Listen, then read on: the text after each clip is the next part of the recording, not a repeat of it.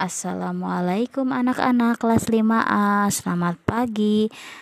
Semoga kalian sehat selalu ya. Anak-anak, pagi ini ibu guru akan menerangkan penyakit pada sistem pernapasan. Disimak ya. Organ pernapasan kita terdiri atas hidung, tenggorokan, dan paru-paru. Setiap organ tersebut dapat mengalami gangguan akibat kuman penyakit atau kebiasaan hidup yang tidak sehat. Berikut ini, ibu guru akan memberikan contoh gangguan pada sistem pernapasan manusia. Yang pertama adalah emfisema. Penyakit ini adalah disebabkan oleh pembengkakan karena pembuluh darah paru-paru yang kemasukan udara. Yang kedua adalah asma. Merupakan kelainan penyumbatan saluran pernapasan yang disebabkan oleh alergi debu, bulu, ataupun perubahan cuaca. Kelainan ini bisa diturunkan dari orang tua dan dapat kambuh jika suhu lingkungan cukup rendah atau keadaan dingin. Yang ketiga, kanker paru-paru.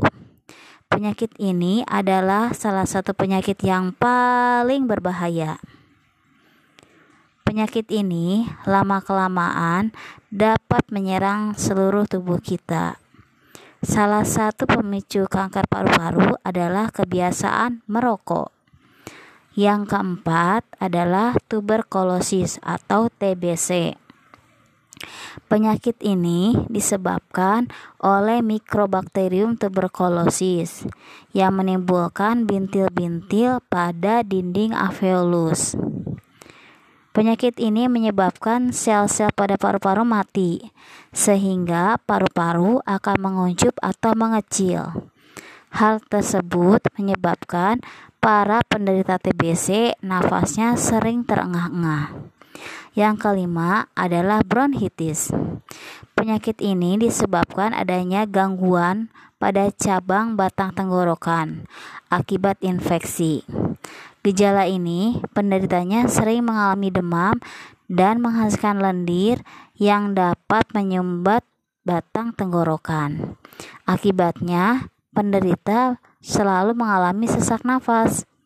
Yang keenam adalah influenza atau yang sering kita bilang dengan flu. Penyakit ini disebabkan oleh virus influenza.